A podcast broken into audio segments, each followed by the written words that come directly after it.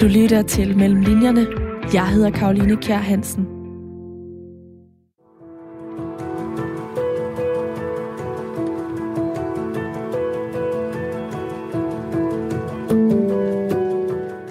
I Randers voksede en lille pige ved navn Karin op i slutningen af 1800-tallet.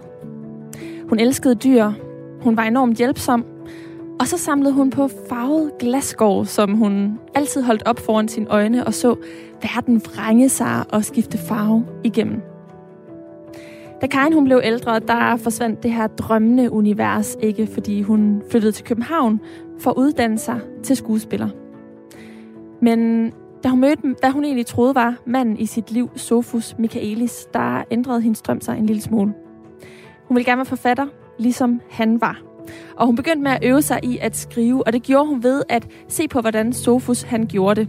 Hun skrev, og hun skrev, og hun udgav tre bøger, men læserne de var ikke just begejstrede for dem. Man plejer at sige, at tredje gang er øh, lykkens gang, men i Karins tilfælde, der var det altså fjerde gang. I 1902, der udgav Karin Michaelis bogen Barnet. Og inden for et halvt år, der blev den oversat til 16 sprog, og i Tyskland, der solgte den, hold nu fast, en halv million eksemplarer på bare 6 uger. Karin Michaelis, hun er et oplagt bud på en, der kunne være skrevet ind i den danske litteraturkanon. Den danske litteraturkanon, det er den, som de danske skoleelever undervises i, og de sidste måneder, der har den været til debat. Det er nemlig kun en ud af 14 forfattere, som er kvinde. I sidste måned, der besluttede vores børne- og undervisningsminister, Pernille rosenkrantz teilser at hun ikke vil ændre den. Så i den, der kan man ikke læse om Karin Michaelis og hendes øh, vanvittige salg af barnet fra 1902. Der er mange andre kvinder, som man øh, heller ikke kan læse om, men øh, dem kan man læse om i bogen Kvinde, kend din historie. Det er en bog, der kommer på gaden i øh, næste uge, og i den, der står en masse om blandt andre Karin Michaelis. Og derfor så er det også den her bog, som jeg i dag dykker ned mellem linjerne i. Kære lytter, hjertelig velkommen til Mellem Linjerne. Programmet, hvor jeg taler med nogle af Danmarks dygtigste forfattere om alle de forberedelser og oplevelser, der ligger før deres bøger de kunne skrives. Altså med andre ord, alt det research-arbejde, som de har været ude i, og som ligger mellem linjerne i deres bøger. Og så vil jeg også byde hjertelig velkommen til dig, Gry Jeksen, fordi du er forfatteren bag Kvinde kendt din historie. Tak skal du have. Vil du ikke lige allerførst beskrive, hvordan din bog ser ud? Jo, det vil jeg meget gerne. Min bog er øh, en, øh, forsiden af et utroligt flot kunstværk, som Tit Thyring har lavet. Tit Thyring, hun har også gennemillustreret hele bogen, men forsiden det er sådan en, et, et halvt kvindeansigt, der forsvinder ind bag sådan en en grøn baggrund, og så står der med meget smukke lyserøde bogstaver, kvinde kendt din historie, spejl dig i fortiden, og kvindeansigtet, det er sådan i forskellige farver. Du siger selv, at den er meget smuk, og det synes jeg også, at den er. Og det gjorde mig kun endnu mere glad, da jeg modtog den, fordi jeg har glædet mig helt vildt meget til at få den her bog. Det er nemlig sådan, at øh, jeg kender dig jo i forvejen fra Instagram-profilen Kvinde Kend Din Historie, som du oprettede i 2018, og som senere hen også er blevet til en øh, podcast. Og bogen her, det er en videreudvikling, kan man vel måske godt sige, af, den, af de to elementer. Ja, det er rigtigt. Vil du ikke prøve at tage mig med tilbage til den gang i 2018, da du øh, valgte at oprette Instagram-profilen Kvinde kendt Din Historie? Jo, det vil jeg rigtig gerne. Altså, jeg var nyuddannet historiker, og jeg blev færdig på universitetet i sommeren 2018. Og det er jo sådan for de fleste humanister, at det ikke måske altid er lige let at sparke døren ind til øh, et arbejdsliv. Så jeg endte som de fleste andre øh, øh, på dagpenge. Jeg havde nogle små, små opgaver på forskellige tv-produktioner, øh, hvor jeg var projekt, projektansat. Fordi det, jeg gerne ville, det var, at jeg ville gerne formidle historie. Det har jeg pejlet øh, mod gennem hele min uddannelse, så jeg var i praktik og ansat på, på DR, øh, på deres historieredaktion, da jeg var under uddannelse. Og jeg var også øh, ansat ind på Arbejdermuseet som underviser. Så jeg vidste, at jeg gerne ville formidle. Noget af det, jeg opdagede øh, lige her i sommeren 2018, da jeg lige var blevet færdig, det var, at jeg manglede simpelthen en større viden om kvinders historie, og det opdagede jeg, fordi jeg netop sad og lavede øh, en tv-program til, til DRK om øh, 1918. Hvad skete der i Danmark i 1918? Og en af de kvinder, jeg stødte på i min research, det var Karin Michaelis, som du lige har fortalt om. Og fuldstændig ligesom øh, du blev betaget af hende, øh, så gjorde jeg jo også. Fordi hun er jo fuldstændig fantastisk, og hun er en meget, meget vigtig figur i vores litteraturhistorie. Og samtidig så fik jeg jo den her vilde følelse af, at det simpelthen var helt forkert, at jeg ikke kendte hende i forvejen. Øhm, både som en person, der elsker bøger, elsker litteratur, men selvfølgelig også som historiker. Og så gik jeg faktisk hjem, kiggede alle mine noter igennem fra mine fem år på universitetet, og jeg øh, var ved at dø af forlovhed, men også af, af chok over, at jeg kunne ikke finde et eneste kvindenavn. Og øh, det var jo sådan en mærkelig fornemmelse af, at, øh, at jeg ikke var sådan, var sådan lidt forvirret over, hvorfor har jeg ikke lært om det her, men også et, et, sådan et indadvendt spørgsmål omkring, hvorfor har jeg aldrig selv forventet, at jeg skulle lære mere om kvinder? Fordi det betyder jo, det viser jo noget om, hvordan jeg har opdraget. Hvad er det for, øh, hvad er det, jeg har fået at vide gennem hele mit liv faktisk, som er vigtigt at vide noget om i vores Danmarks historie? Og det jeg så gjorde, øh, det var faktisk, der var meget, meget kort fra tanke til handling. Det var, at jeg tænkte, øh, jeg må gå i gang med at læse om kvinder i historien. Jeg vil have den her viden. Jeg vil ikke sige, at jeg er historiker, uden at have den her viden, uden at have den her dimension med.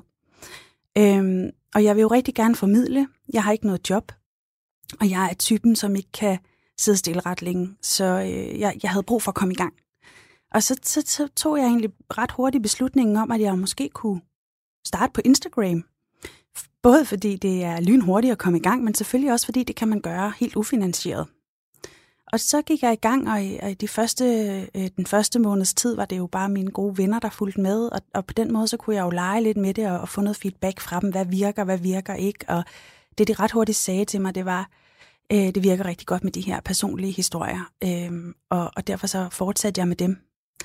Og øh, så gik der jo ikke ret lang tid, før det føler jeg nærmest sprang i luften, øh, og jeg blev kontaktet af medier, og øh, fik rigtig mange følgere på Ja, Instagram. du har næsten 50.000 følgere. Ja, det har jeg nu, ja. Øhm, og de første 10.000 fik jeg faktisk inden for de første tre måneder.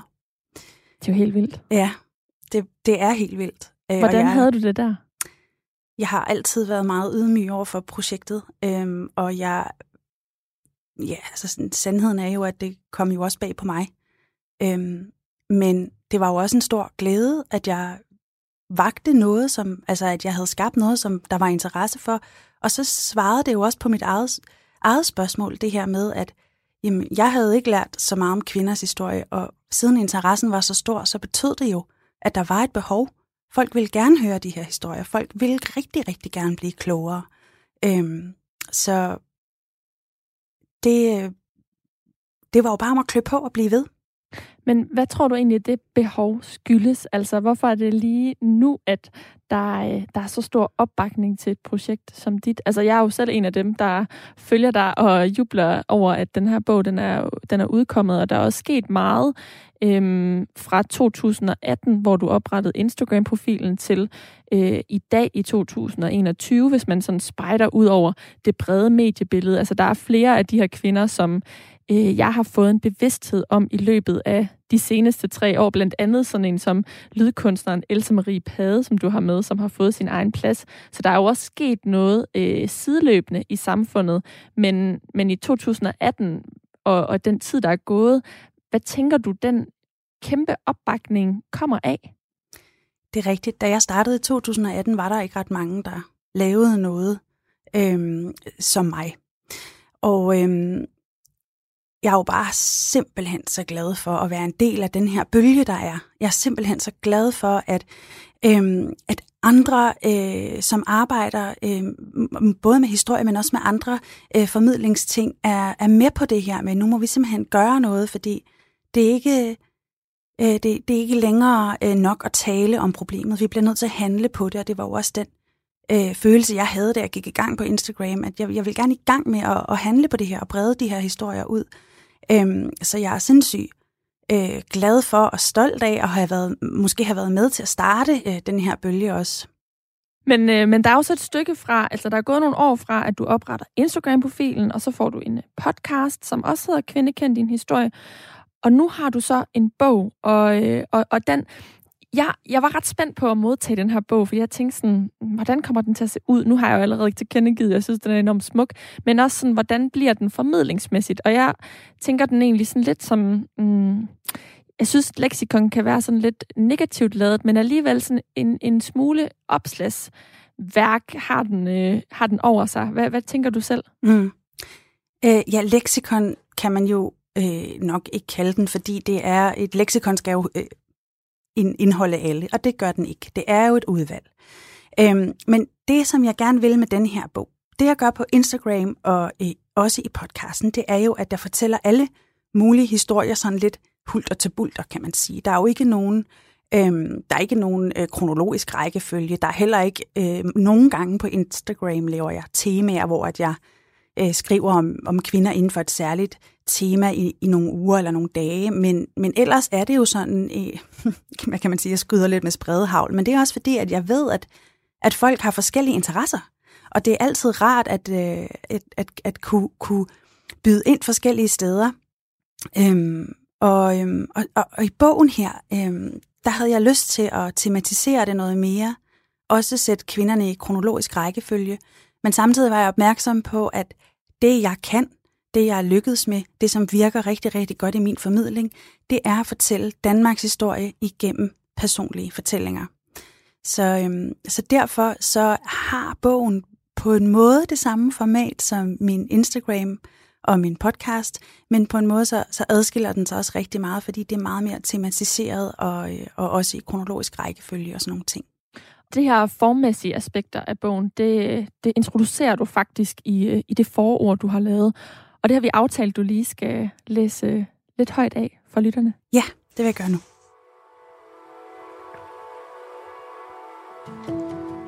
Kvindekend din historie er en bog til alle, der vil vide mere om kvinder i Danmarks historien og blive klogere på sig selv. Jo mere vi kan spejle os i fortiden, jo bedre kan vi forstå vores nutid og samtidig klæde viden os på til at skabe det liv og den fremtid, vi ønsker for, vores, for os selv og vores børn. Historien er levet af både mænd og kvinder, men kvinder er overset i historiebøgerne. Og skal vi opnå ligestilling i vores tanker og handlinger i dag, har vi alle brug for en større historisk bevidsthed om kvinders liv. Det spor forfølger jeg i denne bog. Kvindekendt en historie portrætterer 50 kvinder, der har levet i Danmark på et tidspunkt i løbet af de sidste 500 år. Portrætterne viser deres arbejdsliv, kærlighedshistorier, forældreskab, kunstneriske ambitioner, sportslige bedrifter, økonomiske tæft og hien efter magt og politisk indflydelse. Alle temaerne går igen i vores liv i dag. De portrætterede kvinder har en skæbne, der kan lære os, hvordan vi er formet af fortiden, og samtidig inspirere deres oplevelser, personligheder og erfaringer os. Vi skal have adgang til viden om historiske kvinder for at få historisk bevidsthed om os selv. Kvinder skal være en helt naturlig del af alles historiske bevidsthed, og kvinder skal skrives ind i historien. Kvindekendt en histories kapitler er inddelt i livstemaerne uddannelse, arbejde, ægteskab og parforhold, seksualitet og køn, at få børn, magt og politik, økonomi og iværksætteri, sport og kunst og litteratur. De temaer forholder alle mennesker sig til på et eller andet tidspunkt i deres liv. Alle mennesker har en krop og en seksualitet. Alle mennesker har relationer til andre mennesker. Alle mennesker beskæftiger sig med noget. Alle mennesker præsent- bliver præsenteret for kunst og kultur. Alle mennesker er produkter af den historiske tid, de lever i, og sådan har det altid været.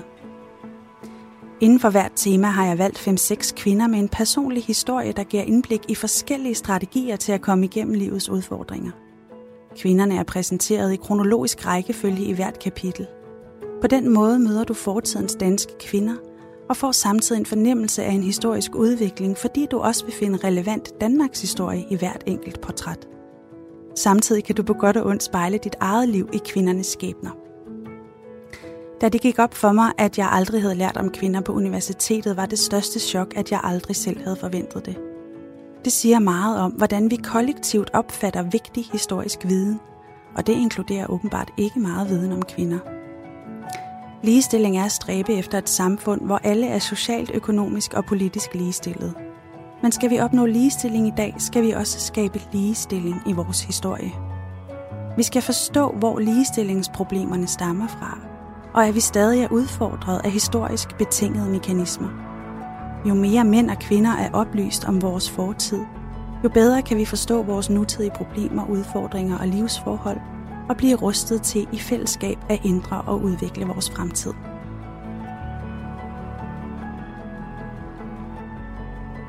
Tak, Gry Jeksen. Som man kan høre i, øh, i din oplæsning her, så har du netop inddelt bogen i de her forskellige kapitler.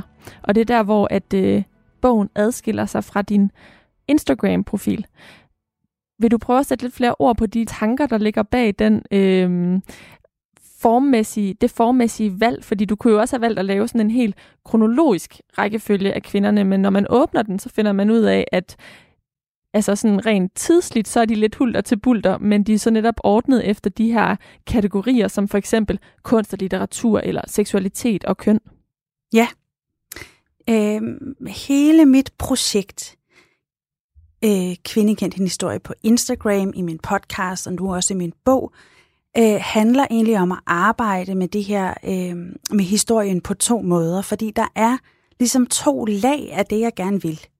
Det første handler om at vi er flere hundrede år bagud i forhold til at kende historiske kvinders navne. Øh, vi har repeteret øh, Christian den 4., H.C. Andersen og Niels Bohr øh, for os selv og hinanden og vores børn i så mange år, at vi øh, ikke er i tvivl om, øh, hvem de er. Den del mangler vi at gøre med kvinderne. Der, der er for få kvinder, hvor at lige så snart vi siger navnet, så, så kan vi lynhurtigt øh, kode, når jeg, hvem var det nu, hun var. Det er ikke sikkert, at vi kender hele historien, men vi har måske nogle, nogle pejlemærker. Det er sådan den ene del af det, hvor at jeg vælger at skrive i portrætter, kan man sige. Den anden del af det, som jeg rigtig gerne vil, det er, at jeg synes, at vi mangler historisk bevidsthed om os selv. Og det gør især kvinder, Netop på grund af det her med, at kvinder fylder så lidt i vores historiebøger, så mangler kvinder i højere grad end mænd historisk bevidsthed om sig selv. Hvad mener du, når du siger historisk bevidsthed?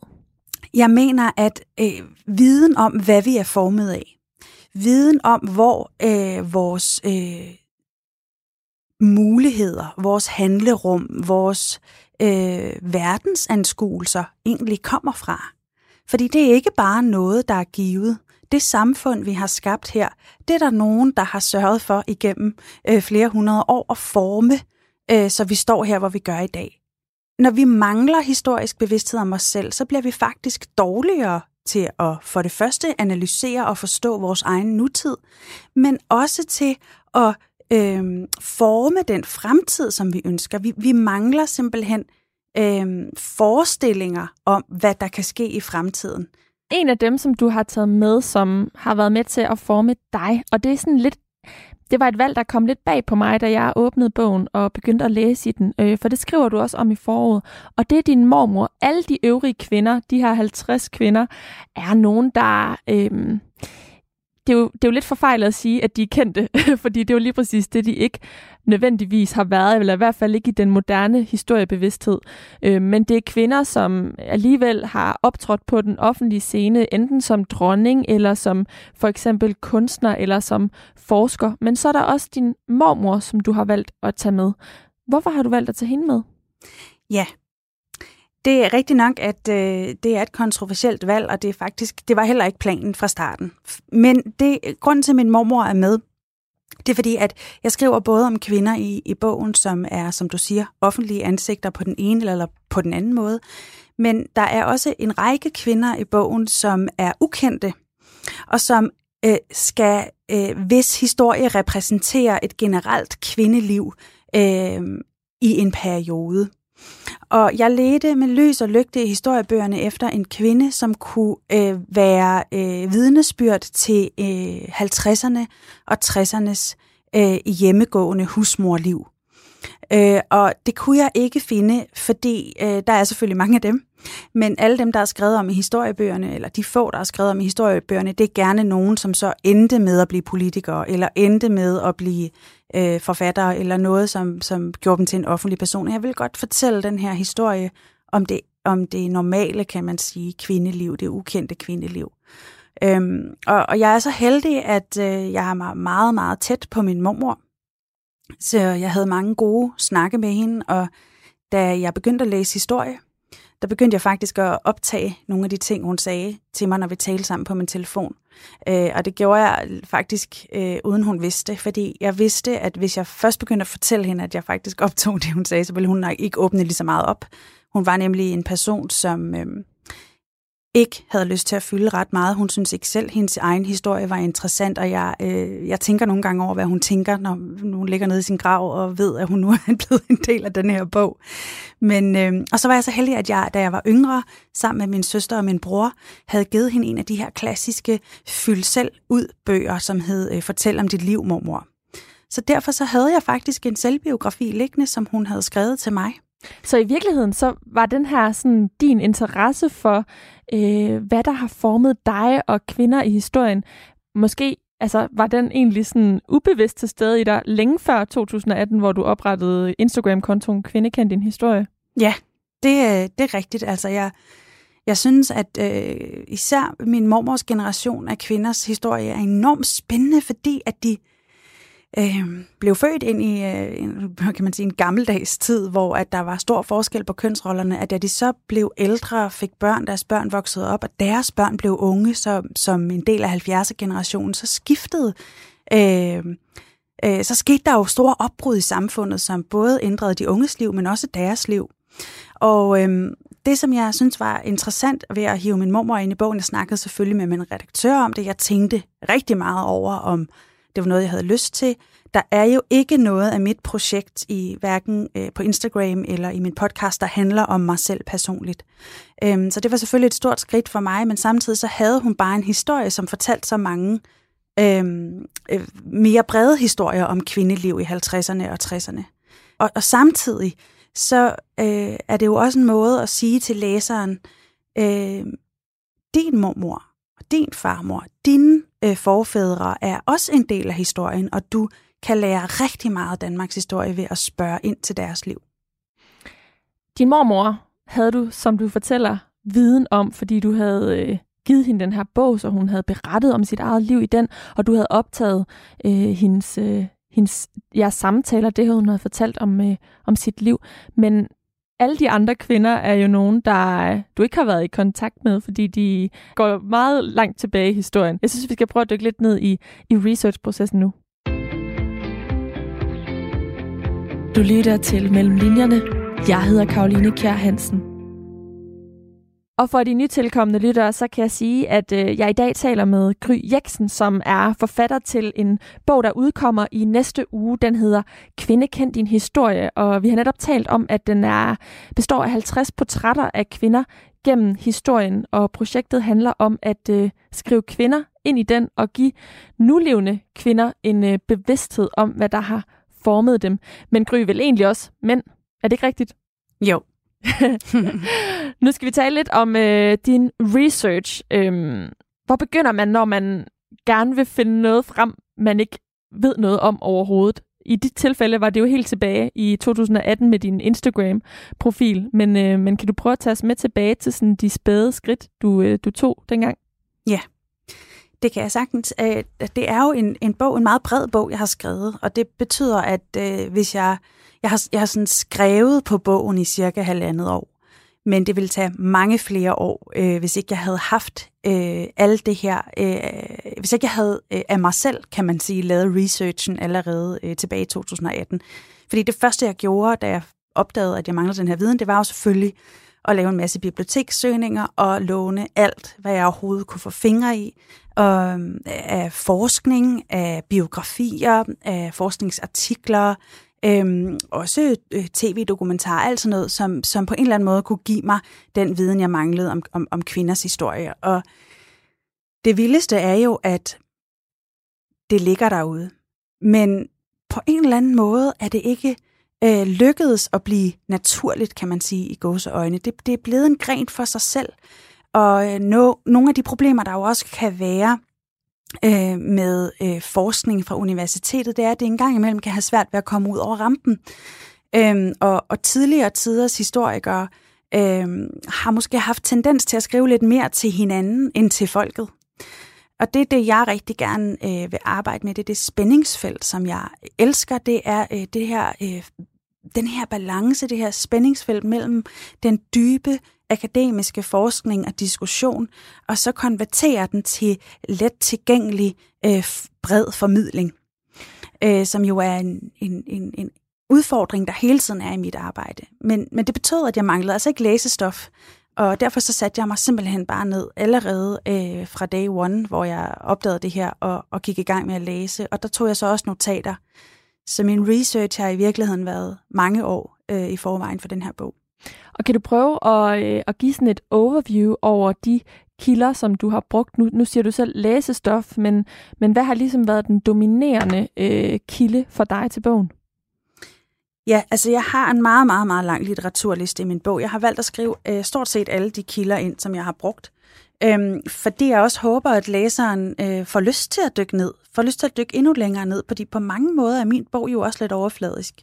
Men øhm, jeg har selvfølgelig nogle gennemgående kilder, som jeg har brugt, og øh, det er forskellige øh,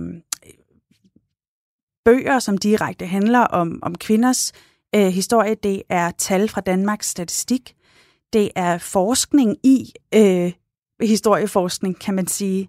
Det er Hvad vil det sige? Mm, det vil sige, at øh, der, der er jo også nogen, der dykker ned i øh, his, den historiografiske tradition, det vil sige øh, læren og viden om historieskrivning. Øh, og, og ved at dykke ned i det felt, så kan man jo prøve at undersøge, hvad er det i den historiografiske tradition, altså traditionen for at skrive historie, der gør, at kvinderne kommer ud på et sidespor, eller slet ikke bliver nævnt.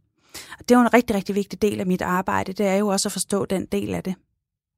Øhm, og så er der selvfølgelig øh, det store, meget, meget, meget flotte arbejde, som, som kvinderne, øh, som en masse, masse kvinder har lavet i, i startet med i 70'erne, som de blev digitaliseret her i, i nullerne, som jo er dansk kvindebiografisk leksikon, hvor man kan finde rigtig meget af, af, øh, det er jo et, et leksikon, det vil sige, at man kan få de her korte tekster om kvinderne, og så er der heldigvis angivet kilder, så man igen kan dykke ned.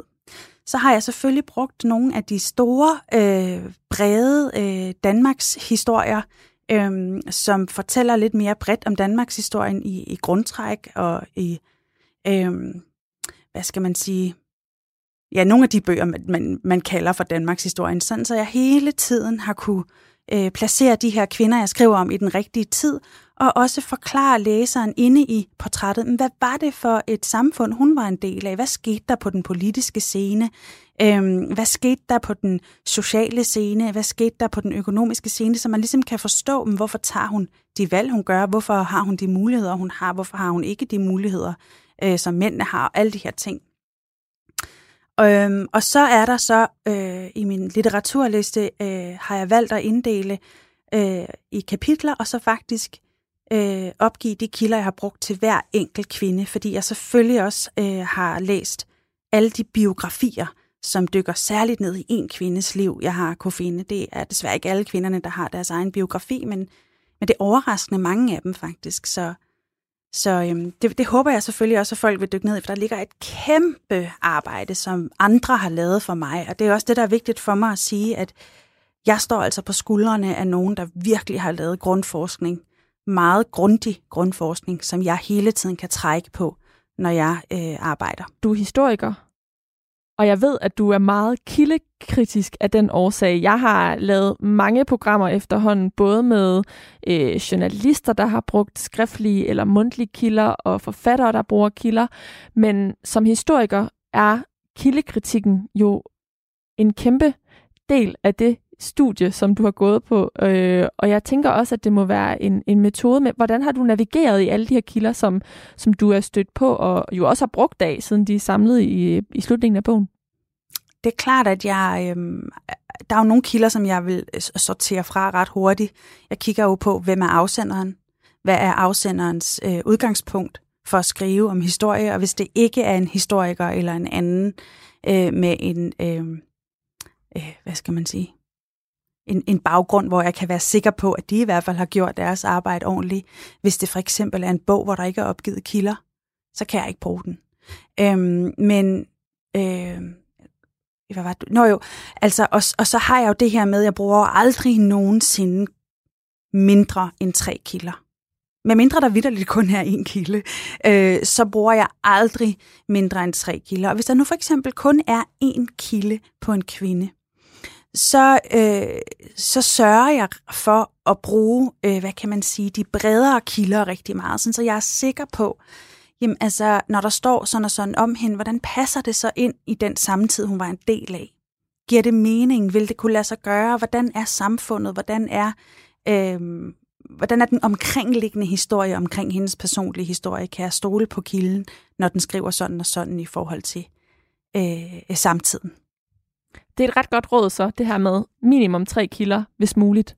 Ja, og så gerne øh, virkelig sikre sig, at afsenderen på kilden er en, der har styr, der selv har styr på sin kildekritik, kan man ja. sige, selv har styr på sin faglighed. Så det var derfor, det var vigtigt for dig også selv at have kilder i bogen? Ja, det vil en, en historiker vil aldrig udgive en bog uden kilder, og nogen skriver dem ind i teksten, det arbejdede jeg også lidt med. Øh, skal der hele tiden være en fodnote, for eksempel? Øh, og det synes jeg egentlig øh, ikke, jeg behøvede. Øh, men derfor betød det så også, at jeg øh, valgte at gøre min litteraturliste øh, så fyldsgørende som overhovedet muligt. Det her med, at man får øh, et indblik i, hvordan det omkringliggende samfund har udviklet sig øh, i, i takt med, at øh, de enkelte kvinder er vokset op, synes jeg står ret stærkt i bogen. Øh, et eksempel, jeg selv har, altså som har sat sig i mig, siden jeg læste det her tidligere på ugen, det er øh, det kapitel om uddannelse, hvor øh, du blandt andet skriver om Nelsine Nielsen, som er den første kvinde, der bliver læge. Og grund til, at hendes historie gør stort indtryk på mig, er fordi, at hun øh, skal tage en studentereksamen, før hun overhovedet kan blive læge. Og det skal hun søge om, for der er ikke nogen kvinder, der har gjort det før. Og det tager halvandet år, fra hun får svar fra Kirke- og Undervisningsministeriet. Altså, det er jo vanvittigt. Det er en halv bachelor, man kan tage på den tid. Halvandet år. Fuldstændig vanvittigt. Altså det, så på den måde føler jeg virkelig ved at have læst, altså ikke blot hendes historie, men også de andres, at jeg har fået en, en god indføring i, hvordan vores uddannelsessystem har udviklet sig, selv sagt med fokus på kvinderne. Jeg, jeg, har, jo ikke, øh, jeg har ikke fået mændenes historie her, men jeg føler alligevel, at jeg sådan har fået nogle, øh, nogle nedslag i, øh, i sådan universitetshistorien her i hvert fald. En anden kvinde, som øh, har en vanvittig historie, og det har de, de alle sammen øh, på hver sin måde, men som øh, også var lidt vanvittig rent metodisk for dig, det er øh, Karla Hansine Petersen. Hvem er hun? Jamen, Karla Hansine Petersen, hun var en helt almindelig kvinde, som øh, blev født i starten af 1900-tallet. Øh, det, desværre for hende i en fattig familie, hvor vilkårene ikke var særlig gode. Faren drak, og han slog øh, sine børn, og, og moren var øh, så vidt jeg husker, døde ret tidligt, og, og så kom Carla og hendes søskende på børnehjem. Og her begynder Carla, og øh, så bliver hun ligesom skrevet ind under forsorg, hedder det. Og det betyder, at der er læger og øh, forstanderinder på de her pigehjem, som begynder at notere, hvem er det her barn, hvordan er hun, hvordan passer hun ind i samfundet. Og, og, og Carla Hansine, hun var, øh, hun var sådan udadvendt, og hun var ikke så kvik, og hun var hun kunne måske godt lide drengene. Hun, hun gik lidt efter drengene, da hun blev teenager. Hun var sådan faktisk helt almindelig ung pige, kan man sige. Jeg ved ikke, om du kan huske, hvordan det var at være 18-19 år, Karoline, men, men man er jo... Øh, der er meget, man gerne vil opleve, når man er 18-19 år. Måske især øh, det der med kærlighed og sex og sådan noget. Og sådan var hun også. Så på øh, den måde, så adskiller hun sig egentlig ikke ret meget fra almindelige unge kvinder i dag. Men øh, fordi at det var øh, et meget striks moralsk samfund her i starten af 1900-tallet, så passede hun altså igen. Man kunne ikke sådan gå og have mange kærester, når man var en ung pige. Så derfor så var hun en af de, blandt en af de første 25 kvinder, der kom til Sprogø pigehjem i 1923. Øh, hvor at, at man ligesom samlede alle de kvinder, som man kaldte for moralsk åndssvage og øh, seksuelt abnorme altså kvinder, man ikke kunne styre, synes man. De skulle bo derude på Sprogø, og så skulle de i behandling under åndssvage forsorgen. Og det betød, at de boede der faktisk i et fængsel, øh, hvor de boede og arbejdede. Det kom stort set aldrig ind på fastlandet.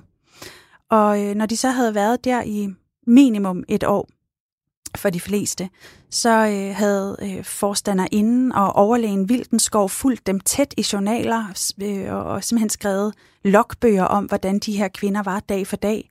Øhm, og, og, og så kunne man godt, ligesom hvis man havde en god udvikling, hvis man var blevet dygtigere til at arbejde, hvis man var blev øh, bedre til at opføre sig ordentligt og være lydig, så kunne man få lov til at blive udskrevet i kontrolleret familiepleje. Det vil sige, at man kunne komme til at, man fik lov til at komme i huset hos en familie, men man var ikke fri, man var stadig indskrevet under åndssvage forsorgen, og der blev stadig holdt tæt øje med en. Og hvis man begik et fejltrin, mens man var under kontrolleret familiepleje, så kom man direkte tilbage til Sprogø. Og sådan en pige er Carla Hansine. Og det lykkedes hende faktisk ikke at komme ud af forsorg før 40 år efter. Øhm, og det er jo ret frihedsberøvende. Og hvor, hvordan kom du på sporet af den her kvinde? Jamen, jeg har arbejdet med sprog i mange gange før i forskellige sammenhænge, og det har fascineret mig utrolig meget, og det er jo også noget, der har været op at vende i, i, i andre medier. Det her med, at så tog vi de her mennesker og, øh, og, og satte dem ud på en ø på sådan en form for genopdragelse. Øhm, Karla Hansine er øh, en del af bogen, øh, bogens kapitel, der handler om køn og seksualitet. Og hun er en del af bogen, fordi det fortæller om, hvordan man har øh, hvordan man har opfattet kvinders seksualitet i her i 1920'erne og 30'erne som et øh, ustyrligt, som farligt, som abnorm og som øh, en trussel for manden. Altså, øh, de, de mænd, som Carla Hansine, hun har sex med, de faktisk, øh, de bliver aldrig nogensinde øh, straffet, kan man sige, som hun gør. Og den, hele, hele den her historie har jeg faktisk udfoldet øh, i et tidligere program med Christine Tit, som har skrevet bogen Orgasmebogen, fordi sprogdelen her, det er også et helt kapitel i hendes bog, ja. der netop også handler om, hvordan altså, øh, kvinden er, er hysterisk, når hun har en lyst, og derfor er det blevet undertrykt, og at det, der faktisk er blevet dildoen, var sådan en form for øh, pind tidligere, man sådan slog med for at øh, stoppe lyster, troede man i sin tid. Ja, ja. Altså det her med kvindens seksualitet som noget, der skal kontrolleres.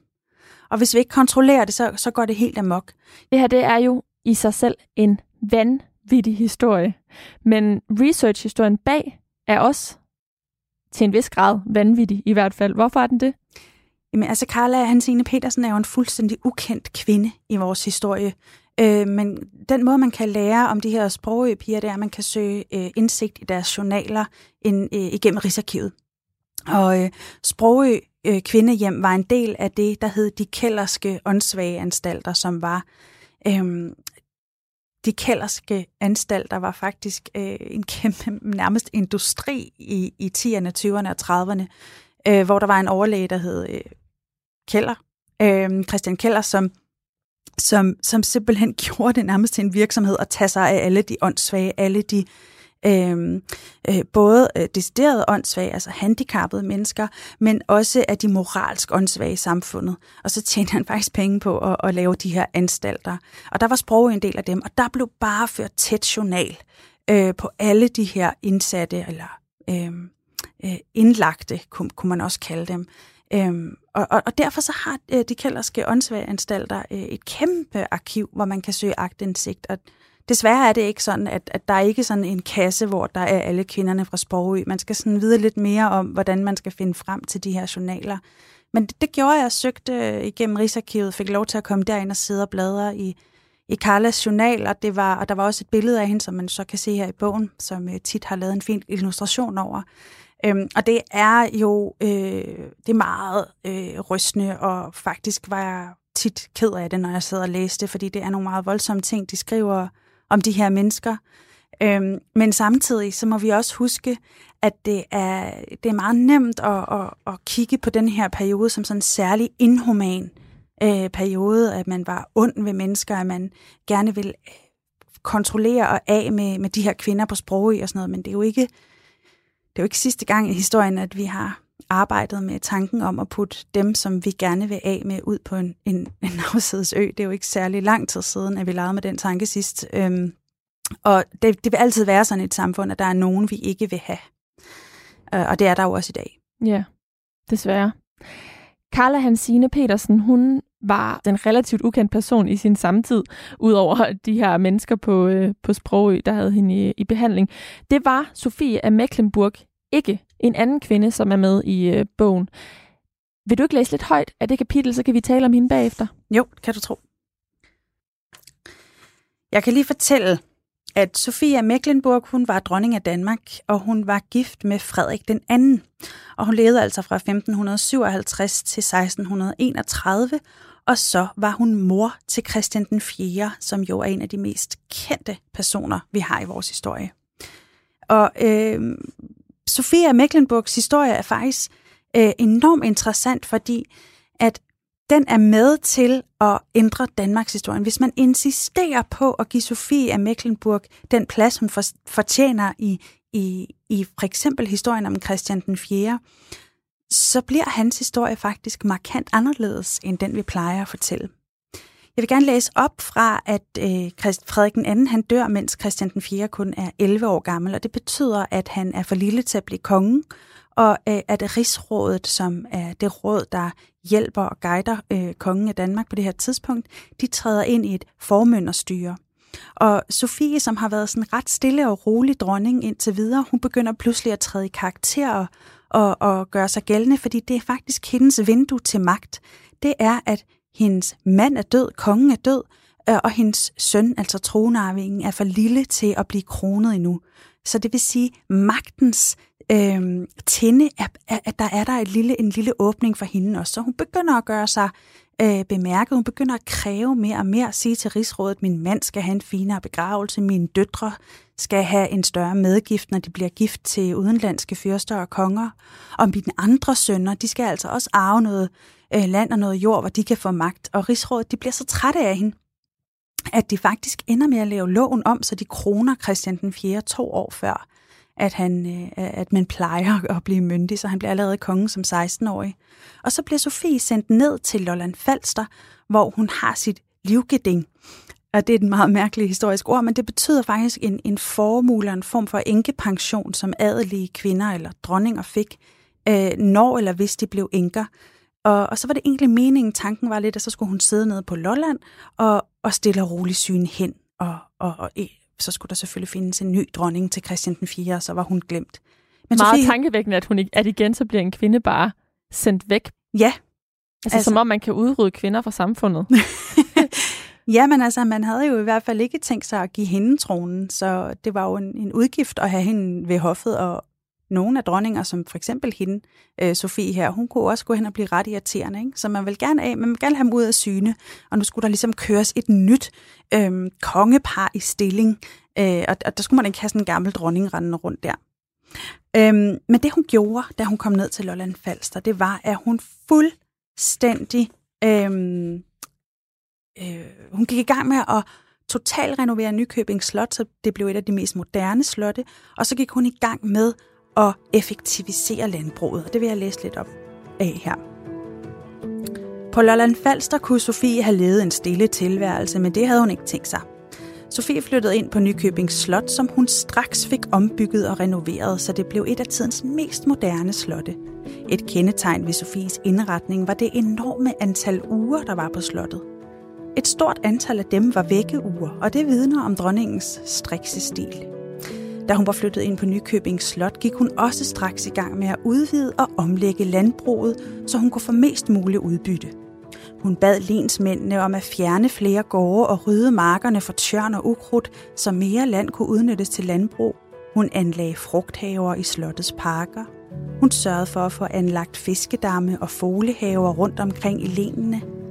Hun gik op i husdyravl og forlangte detaljerede beskrivelser om, hvordan det gik med svinene og okserne – hun istandsatte alle møllerne for at få mest muligt udbytte. Hun solgte sine afgrøder på det tyske marked og holdt skarpt øje med priserne der. Når de var lavest, slog hun til og købte for eksempel enorme mængder humle hjem. Sofie var en ufattelig dygtig forretningskvinde. Hendes formue voksede betydeligt i løbet af få år, og derefter begyndte hun at gøre sig bemærket på ny. Sofie begyndte nemlig at låne penge ud til adelsmænd og fyrster – Renten var på 6%, og det var en klækkelig forretning for hende. også hendes søn Christian den 4. lånte betydelige summer af hende, og meget tyder på, at disse lån, der har finansieret, og meget tyder på, at det er disse lån, der har finansieret opførslen af de berømte bygninger, Rundetårn og Børsen. Da lånet var på sit højeste, skyldte Christian den 4. sin mor halvanden til to millioner ristaler. Sofia Mecklenburg døde i 1631. Hun blev 74 år gammel, og det er en virkelig høj alder på hendes tid. Og hun efterlod sig altså en formue på over 5 millioner ristaler fordelt på redde penge og ejendomme. Det gjorde hende til Nordeuropas rigeste privatperson i 1600-tallet.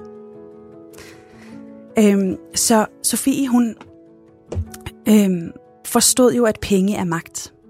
Og det, der er så interessant i forhold til Christian den 4., det er jo, at noget af det, Christian den 4. er allermest kendt for, det er netop de bygninger, for eksempel Rundetårn og Børsen og mange andre, som han øh, udsmykkede København med. Øh, for nylig fik han jo faktisk endnu en statue af sig, af sig selv, som står inde på børsen, hvor han står øh, stolt og rank ovenpå øh, figurer af Rundetårn og tårnet af børsen og tårnet af Rosenborg under sig.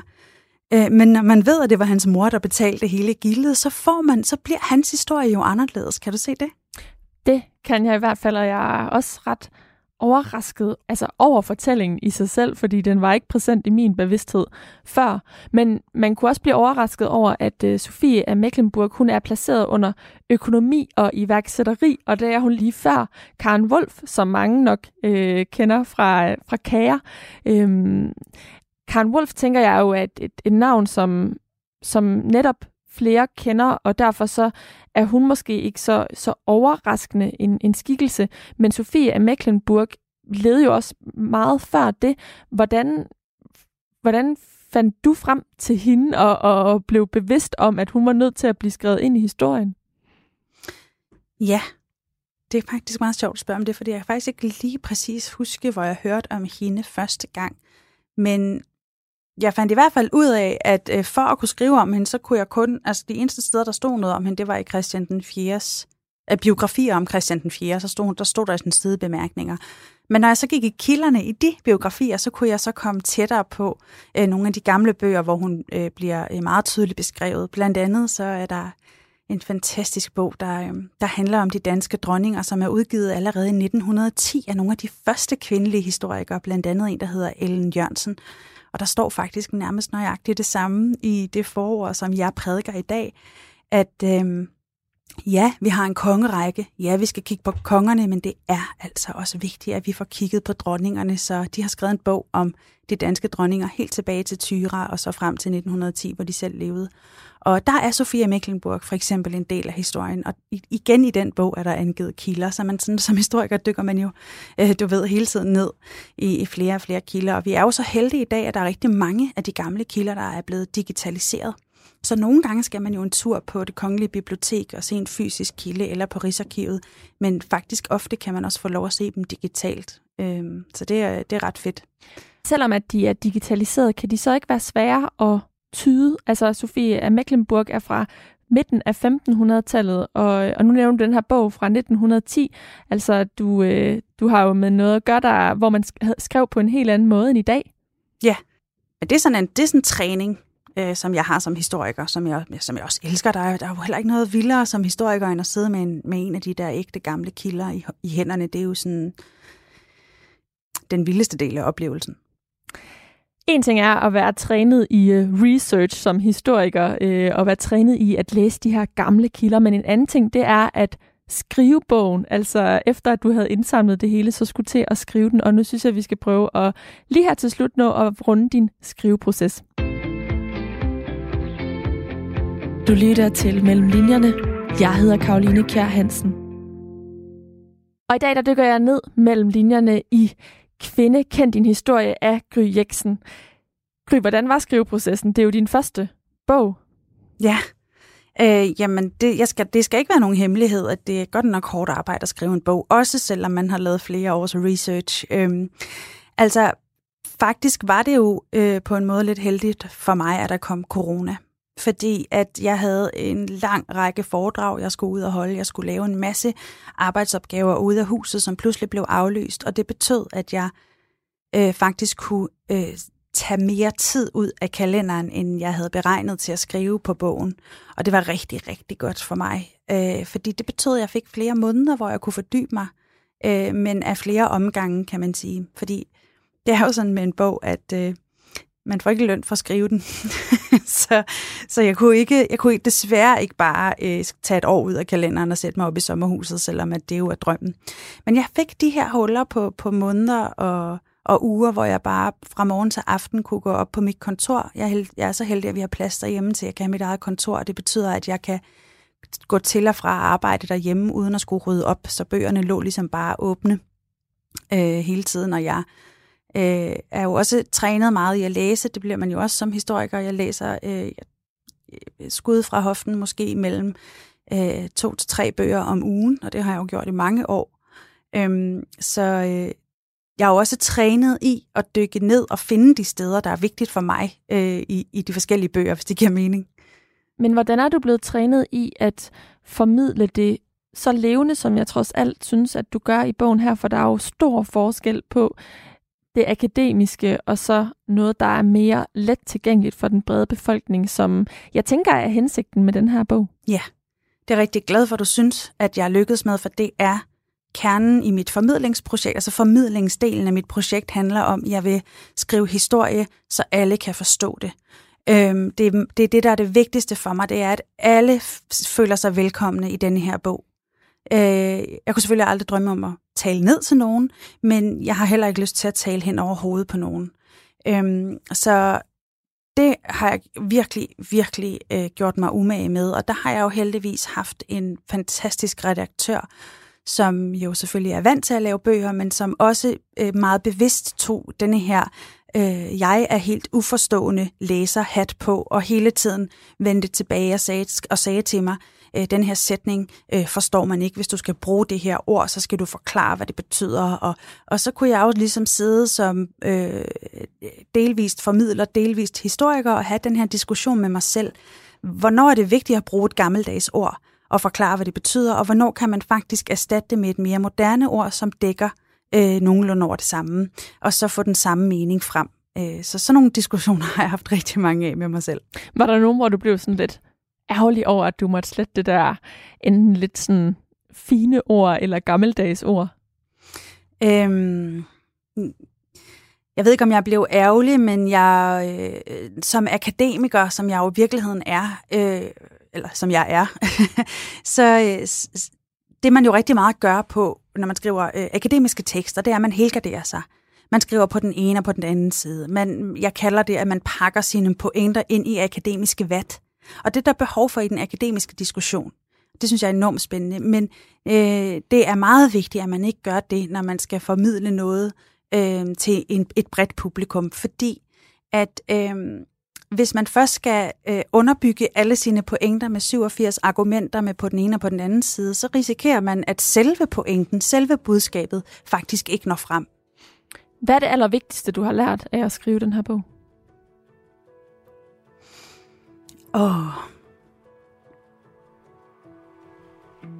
Jeg har lært, at altså det, det, det, der er lidt mærkeligt med det her interview, Karoline, det er jo også, at den ikke er udkommet endnu. Så lige nu er, står jeg jo også i sådan en underlig situation, hvor at så bliver jeg inviteret i, i sådan et radioprogram som dit, og så vil du rigtig gerne øh, at du er begejstret for bogen. Du har læst bogen, og det er jo vildt spændende for mig endelig at tale med nogen, der faktisk har læst den.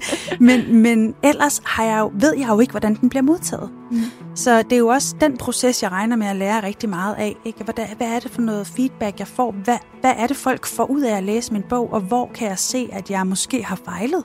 Eller har, eller har nogle mangler, som jeg vil ønske, jeg havde vidst? Det, det håber jeg, at, at jeg får øh, mulighed for at lære, lære af det at udgive en bog i sig selv er jo stort, men den her gang så udgiver du også en bog, der har et politisk budskab til en vis grad. Hvordan har du det nu, hvor at du står over for den her modtagelse?